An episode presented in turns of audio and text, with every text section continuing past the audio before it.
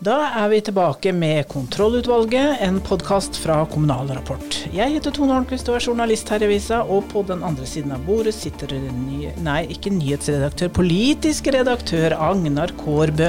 Du må få det riktig, Tone, men uh, hallo skal du Hei, hei skal det være. Ja. Vi begynner med å se litt bakover på koronakommisjonen. og Den kom jo med sin rapport forrige uke. Ordfører Pål Rørby fra Senterpartiet og Hemsedal har vært med i kommisjonen, og han forteller hva han syns bør undersøkes videre.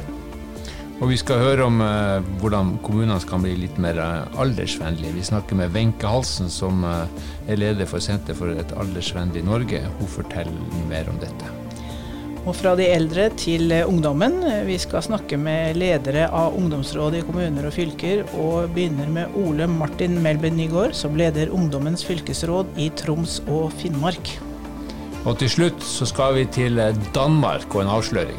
Ja, det skal vi. Vi har jo vært der begge to den siste uka. Da sier vi at dagsordenen er godkjent og møtet er satt. Nylig kom den andre delen av eh, koronakommisjonens eh, gransking av hvordan Norge har håndtert den store pandemien. Overordna så gir kommisjonen ganske så god karakter til det norske samfunnet og måten vi har løst og håndtert dette dramatiske som har skjedd over, over, to år. Men det kommer også fram en del kritikk. En av de som satt, satt med i den kommisjonen, det var deg, ordfører Pål Rørby i Hemsedal. Hvordan var det å, å, jobbe i en sånn kommisjon som skal granske en sånn historisk hendelse? Først og fremst så må jeg jo si at det, det var jo både artig og, og, en ære å bli spurt. Det er jo ingen tvil om at dette er uh, det mest omfattende omfattende krisa som eh, Norge og verden har stått i siden andre verdenskrig. Så det å få mulighet til å, å være med i en sånn type kommisjon og gå så grundig inn både i uh, forberedtheten til Norge, beredskapen, hvordan ting utspilte seg, hvilke grep som ble tatt og hvilke linjer som ble fulgt, det, det har vært ytterst både interessant og lærerikt for min del. Dette var jo erklært tidlig i mars 2020 eh, som en nasjonal krise, men det var jo kommunene, og der var jo du en av ordførerne, som skulle håndtere dette. Hva var det du eh, kunne bidra med i dette arbeidet?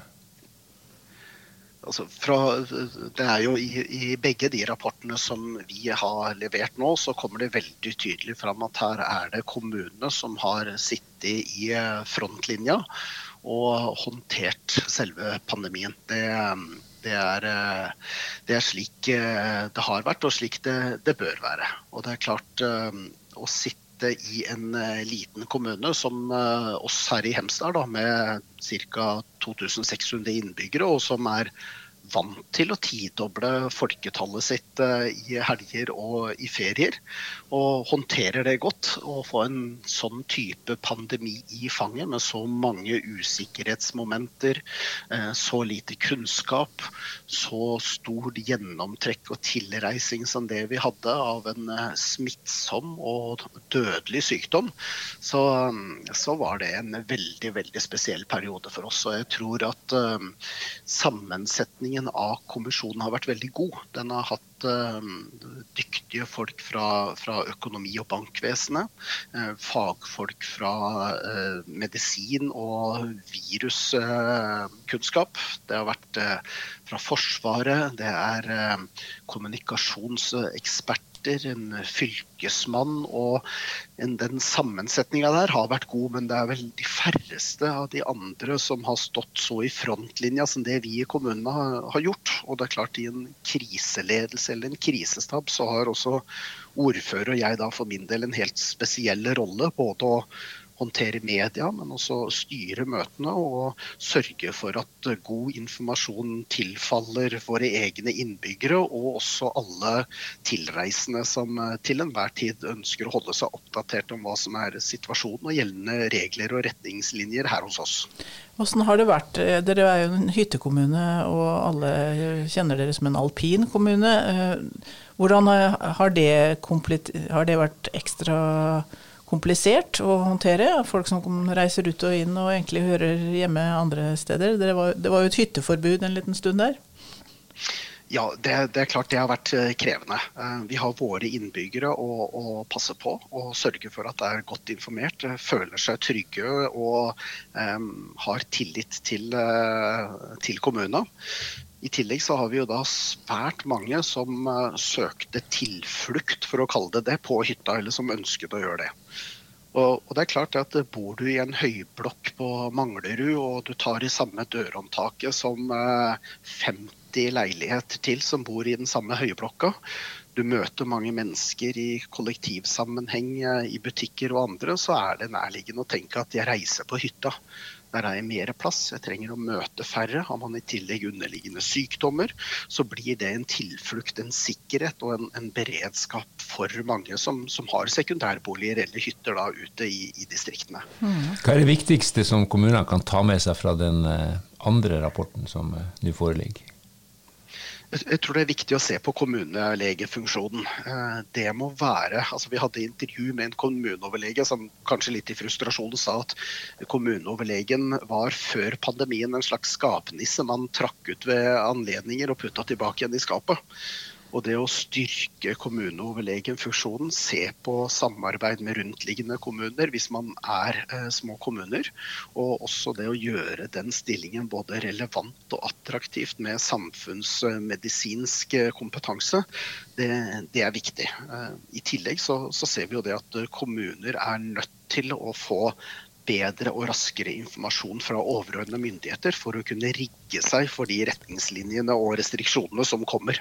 Mm. Og Det ser vi har vært gjennomgående under pandemien. At vi ofte har fått beskjed om tiltak som skal innføres på mandag morgen. Det har vi fått uh, fredag ettermiddag.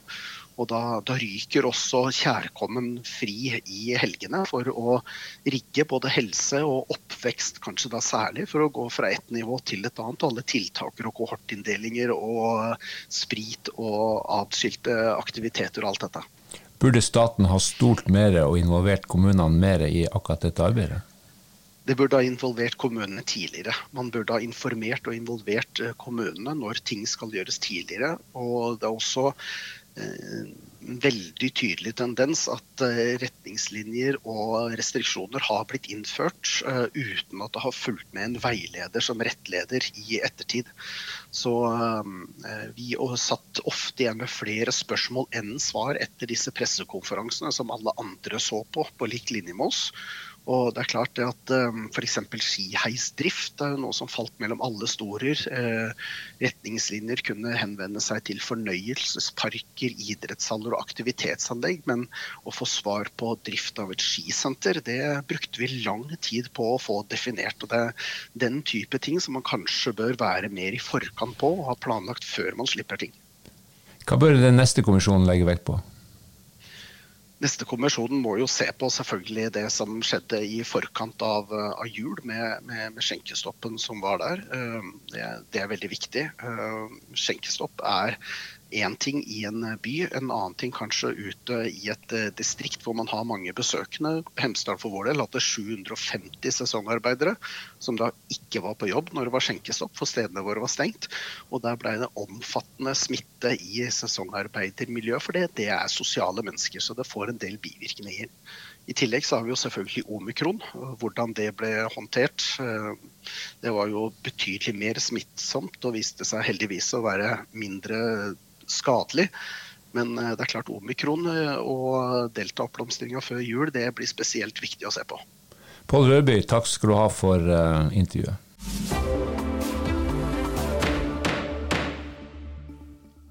Vi har hørt politikerne si det mange ganger. Vi blir flere eldre og vi lever lengre. Det er bra, men for noen er det altså snakk om en pensjonisttilværelse som varer nesten en tredel av livet. Dette er en endring av befolkningssammensetninga som betyr selvsagt noe for hvordan vi organiserer lokalsamfunnene våre, og dermed for hva som planlegges og besluttes i kommunale organer og fora. Derfor skal vi i dag snakke med Wenche Halsen, som er leder av Senteret for aldersvennlig Norge, og det er altså et kompetansemiljø, nasjonalt sådan, som arbeider for å fremme et aldersvennlig samfunn i samarbeid med ulike aktører og samfunnssektorer. Senteret holder til i Ålesund og er en del av Helsedirektoratet. Velkommen, Wenche. Tusen takk for det. Jeg ser at halvparten av landets kommuner har gått inn i dette kommunale nettverkets nettverk for aldersvennlig lokalsamfunn. Hvorfor er det viktig at kommunene er med her? Det er jo i kommunene og i lokalsamfunnet at folk bor, så det er jo også der at eh, si, utfordringene knytta til demografiendringene må løses. Så det jo, Dette her går jo på hvordan man planlegger lokalmiljøer, og vi er veldig veldig glad for, de, for at nå mer enn halvparten av landets kommuner er med. Vi håper selvsagt at enda flere blir med. Hva de kan få ut av eh, å være med i nettverket? For det første så er det jo da i et nettverk hvor de kan lære av hverandre. For det er jo noen som har kommet lenger enn andre i dette planleggingsarbeidet allerede. Eh, og så har vi jo da en ressurs her hos oss som jobber tett med kommunene og har jobba med dette feltet i veldig mange år, bl.a. i WHO, Verdens helseorganisasjon. Og hun er jo da en person som de kan få råd og hjelp fra. Og der vi har f.eks. Eh, webinar og eh, seminar hvor vi da også deler erfaringer fra de forskjellige kommunene. Det, det, det, høres bra ut. fordi at det Aldersvennlige lokalsamfunn det er jo et uh, fint ord, men litt stort og kanskje litt uh, uklart. Så hva konkret kan kommunene gjøre for å legge til rette for den store og svært sammensatte gruppen av mennesker over uh, eh, 60, noen og 60 år? Altså For det første så må de se på dette her helhetlig og på tvers av sektorer. Veldig ofte når vi kommer ut og de hører ordet alder eller aldersvennlig, så er det helse og omsorg. Men vi snakker jo ikke helse og omsorg alene her. Vi snakker jo om alle de åra som folk lever og etter hvert friskere og lengre liv enn før. Eh, dette er viktige ressurser i lokalsamfunnet som kan eh, få lov til å bruke kompetansen og erfaringene sine. Men det må også legges til rette i kommunene, sånn at folk har bra sted å bo eh, hvis de ikke kan bo i husene sine lenger. Det må være møteplasser, det må være transportmuligheter. Det må være sånn at folk kan kunne greie seg så godt som mulig eh, å bo hjemme så lenge som mulig. Det er målet her. Og hjemme er jo ikke da nødvendigvis det huset de flytta inn i når de gifta seg og fikk tre barn. Eh, men hjemme er jo et sted hvor du har din nøkkel. Altså, det er jo ikke sånn at, da, at sykehjemmet er det andre alternativet. Men kommunene må gjøre noe her, sånn at det er rådgivning knytta til å utbedre de husene de har, og at det også er mulighet til å flytte. Og så er transport en utfordring, for etter hvert så er det ikke sikkert vi kan kjøre bil. Og da er det også bra at vi kommer oss eh, rundt og kan ha et sosialt liv. Og så er det møteplasser eh, der folk kan møtes og være sosialt sammen. Og så er det ikke minst at man også kan være ute og være aktiv, og at det kanskje blir eh, turstier, veier, benker ikke minst, som folk kan sette seg ned på. Men her må hele som kommunen jobbe på tvers, eh, og ikke tenke at nei, dette angår ikke oss, dette går, angår helse og omsorg. Jo, det angår hele kommunen både storsamfunnet, næringslivet, organisasjonslivet og hver enkelt av oss. Et, et veldig godt poeng, det. Vi vet, vi vet, jo at eh, kommunen kan jo legge til rette for mye, men som du sier, folk lever lenger og eh, er friskere. Men mange er jo veldig ensomme. Det er fordi at det er noe med Kanskje du mister partneren din, ektefellen din eller vennene dine. og da er det ikke så lett å kompensere for det. Har dere noe grep der? Har dere noe innspill der? Der vet vi jo at det er dette her at det finnes møteplasser, at det finnes steder hvor folk kan være sammen med andre. Og så er det klart, Digitaliseringa er jo også en utfordring. Fordi at veldig mange ting skjer digitalt. Og pandemien har jo også vist det når folk ikke kunne være ute eller være sammen med andre. Så det er viktig at man sørger for at alle blir eh, digitale på en måte så de kan ha kontakt med andre også, også digitalt. Men, men, møteplasser, transport, sånn at folk kommer seg ut, er kjempeviktig. Og Da kan det være alt fra eh, si bak, bakeren på senteret eller en kafé på Coop-en, som kan være en fin, fin møteplass, og at man bør sørge for at det legges til rette sånn at folk kan gå dit og treffe hverandre. Hvor ligger de største hindringene eh, for å få til et aldersvennlig lokalsamfunn? Jeg tenker at Det ligger to plasser. Det ligger på holdninger. Det er at man eh, ser eh, betydningen av de ressursene og det som eldre folk representerer, og at det blir brukt på en god måte. Sånn at de som, si, de som vil jobbe lenger, får mulighet til det. De som har, vil jobbe med frivillighet, får mulighet til det. Og så er det det som går på det, å tenke på tvers. Altså at kommunen er nødt til å ta inn over seg at dette her er som sagt ikke helse og omsorg alene, dette er hele kommunen. Så det er den tverrsektorielle og den samhandlinga er en utfordring, ser vi. Og Der må kommunene bli flinkere. Og så må næringslivet og organisasjonslivet også se at de har et ansvar. Helt til slutt, det er vel ikke bare kommunale myndigheter som skal legge til rette for aldersvennlige lokalsamfunn. Hva kan den enkelte pensjonist og de pårørende gjøre for å forberede seg? Det viktigste de kan gjøre, og vi kan gjøre, eh, som da begynner å nærme oss den aldersgruppa, eh, det er jo at vi planlegger, og det må vi egentlig begynne med tidlig. Vi sier at folk må begynne å planlegge alderdommen sin fra de er 55 år. For det er noe med at vi planlegger for alt annet her i livet, så hvorfor skal vi ikke planlegge for de 20-30 siste åra? Og Da må vi planlegge og tenke gjennom hvordan vil vi bo, hvor vil vi bo, hvordan vil vi ha det. Eh, og Vi må tenke gjennom det sosiale livet vårt, og vi må også tenke gjennom at vi må holde oss friske og raske. Eh, så der har vi et stort ansvar sjøl, og dette her er ikke noe man kan peke på kommunen og si at kommunen har ansvaret. Alle har et ansvar for å skaffe seg og eh, bidra til at man har et så, best, så godt liv som mulig. Og det er klart Pårørende også må kanskje dytte litt på oss og si at men det er ikke sikkert at du behøver å ha det huset med tre etasjer. Eh, kanskje du kan flytte til en lettstelt leilighet. Wenche Ahlsen, leder av Senter for aldersvennlig Norge, takk skal du ha.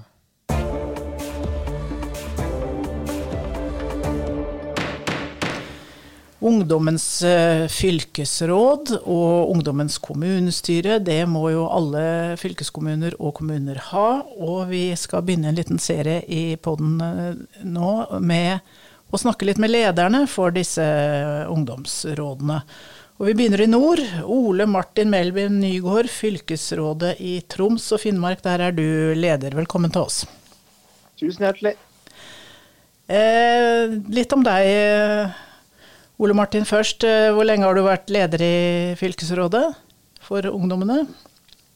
Nei, Nå har jeg vært eh, leder her i eh, litt over et år og stortrives i jobben med masse hyggelige folk og masse interessante saker. Ja. Så det er kjempe, kjempeflott. Ja, hvor mange er det i fylkesrådet? I Ungdomsfylkesrådet i Troms og Finnmark så ja. er vi 14 stykker. Vi er, syv, vi er ni medlemmer, og så er vi fem varamedlemmer i tillegg, som supplerer når det trengs. Ja, Og det er fra hvilken alder og oppover? Altså Alt fra 15 til 19 år, og så er vi spredd utover eh, hele fylket fra Nordkapp i nord og Harstad i sør. Ja, Møtes dere fysisk eller digitalt? Vi møtes både fysisk og digitalt. Vi har gjerne eh, fire-fem fysiske møter i året. Noen i Vadsø, noen i eh, Tromsø. Og så skal vi også en tur til Nordkapp nå straks, så det blir veldig veldig fint. Og så har vi jo digitale som vi supplerer med i løpet av året. Ja, og du er da fra Harstad og går tredje klasse på, på hvilken skole? Jeg går på Heggen videregående skole på, i Harstad, ja. ja. Og er russ snart. Eller nå. Yes, russ. Eh, hvordan går det med arbeidet i, i Ungdommens fylkesråd? Det går eh, veldig veldig fint. Vi har veldig masse flotte, engasjerte ungdom som eh, virkelig står på og gjør en god innsats for at ungdom i vårt fylke skal få det bedre, både nå og i framtida. Hvilke saker er dere mest opptatt av? Altså, Det er veldig mange saker som engasjerer oss. Men eh, hvis jeg skal nevne noen konkrete, så vil jeg bl.a. nevne skolebruksplanen som skal opp på fylkestinget nå i juni den ser vi mye på. Eh, og ser på hvordan eh, planene ligger opp for skolene i Troms og Finnmark framover. Så det er viktig. Ja, Og det kan bli noe reduksjon, eller for det blir jo færre barn og unge? Ja, det er jo akkurat det. Og vi vil jo absolutt ikke miste vårt utdanningstilbud i Troms og Finnmark. For det har seg jo sånn at vi sliter med en problematikk der eh, ungdom og generelt befolkninga går ned folk flytter herifra. og Da er det viktig at vi har mulighetene her oppe så, å beholde dem. Vi trenger folkene, rett og slett. Så dere vil ikke, er- selv om, det, selv om det er veldig få i hver klasse, så vil dere ikke legge ned tilbudene? Eh, Vi vil heller se på nye løsninger som gjør at vi kan få flere tilbud ut i distriktene, ut der folk er. Sånn at folk slipper å flytte i en alder av 14-15 år. For da har, ikke, altså da har man ikke lyst til å bli værende her. Når man må eh, se at sin egen unge flytter i en alder av 14, så blir det for dumt, rett og slett. Ja. Så det er selvfølgelig en eh, viktig sak for uh, ungdomsrådet. Uh, Men fylket skal deles, er det noe dere er opptatt av òg? Det er absolutt noe vi engasjerer oss i. Når det kommer til selve fylkesdelinga, så velger vi rett og slett å stille oss litt nøytralt. Vi føler at vi 14 stykkene ikke er nok til å representere hele ungdommen. Men vi er opptatt av at ungdommen skal bli tatt hensyn til i prosessene. Så Ungdommens fylkesråd er veldig på ballen når det kommer til prosessene i fylkeskommunen. Og skal sørge for at vi fortsetter å samarbeide og vi fortsetter eh, det gode arbeidet som blir gjort i hele fylket. Så Det er vår hovedoppgave nå. Det er ikke nødvendigvis å ta stilling til oppsplittinga, men det å eh, ivareta våre rettigheter som ungdom i den nye fylkeskommunen, eller de nye fylkeskommunene. Ja. Eh, Men har det vært en bra fylkeskommune for ungdom, den eh, som heter Troms og Finnmark? Eh, altså, det har jo eh, Selve sammenslåinga er så som så. Der var, gikk det litt fort i svingene. og Vi hadde ikke så gode rutiner osv. etter det selve sammenslåinga. Men altså, det har vært et, noen fine år som storfylke. Det, skal, jeg- det må jeg ærlig innrømme. Og så gleder jeg meg til å fortsette nå i eh, to år til som storfylke, og til å gå over til to mindre fylker igjen etter det. Dere som er eh, i, i Ungdommens uh, fylkesråd, kommer dere til å fortsette i politikken? Er dere engasjert i politiske partier ved siden av dette her? det er jo veldig varierende, så fra, eh, altså varierer fra person til person. Jeg personlig er ikke så partipolitisk engasjert, og tenker å kanskje ta en liten pause nå når jeg skal reise ut eh, til Trondheim og studere. Mens eh, det er absolutt noen som er mer engasjert og eh, kunne sett for seg i framtid som politiker, rett og slett. Så eh, det, Man sier jo at Ungdommens fylkesråd det er en politikerfabrikk. Det er det. Ja. Men ikke for deg sånn, sånn som du ser det akkurat nå? Altså Akkurat umiddelbart nå så tenker jeg å ta en liten pause når jeg skal studere. Og så kan jeg kanskje ta en tur innom politikken igjen når jeg blir litt eldre. Ja. Da har jeg vært i København og jeg har hørt om eh, den store danske tenk tenkeren Søren Kirkegård. Men du eh, og kollega Britt Glosvik, dere har vært på Jylland og bl.a. i Viborg, Tone. Ja, det stemmer det. Vi skal skrive om det danske frikommuneforsøket. Så jeg har besøkt eh, borgermester Ulrik Wilbeck i et stort, flott eh, nytt rådhus der. Som de bygde etter at seks kommuner slo seg sammen da, for snart 15 år siden. Det er sånt som du er opptatt av, rådhus og kommunesammenslåinger. Men vet du hvem han der Wilbeck eh, er? Borgermester? Ja, men ikke bare borgermester. Han er jo en legendarisk håndballtrener. Tidenes mest suksessrike håndballtrener i Danmark, som er en av verdens ledende håndballnasjoner. Både damelandslaget og herrelandslaget har han trent. Ja, jeg burde, burde jeg visst det, eller? Det mener jeg helt klart at du burde ha visst som politisk journalist som også følger med på sporten. Ja, nå følger jeg litt dårlig med på sporten, da, tydeligvis. Men jeg, altså, jeg har møtt eh, Danmarks Drillo, altså, uten å vite om det. Du har eh, møtt Danmarks Drillo eller eh, Marit Breivik, siden vi snakker om håndball. Bør jeg skamme meg litt, eller? Nei, skamme seg, det bør man eh, sjelden gjøre, men det kan gå for denne gangen. Men det er jo frikommuneforsøket og den slags som er viktig for oss, og der kommer jo regjeringa med noen nyheter neste uke, så vidt jeg har forstått. Mm, det kommer. Og ja, jeg vil jo si det, at fine rådhus og frikommuneforsøk, det er jo det som er viktig for oss, altså. Så ja, vi runder av her, vel. Vi avslutter her ved møtet. Det var oss to, Tone og Agnar, som sto for teknikk og innhold. Britt Sofie Hesvik er ansvarlig redaktør for POD og Kommunal Rapports ukeavis og nettavis. Logg deg på der, få med deg nyhetsbrevene, følg med. Vi høres neste uke.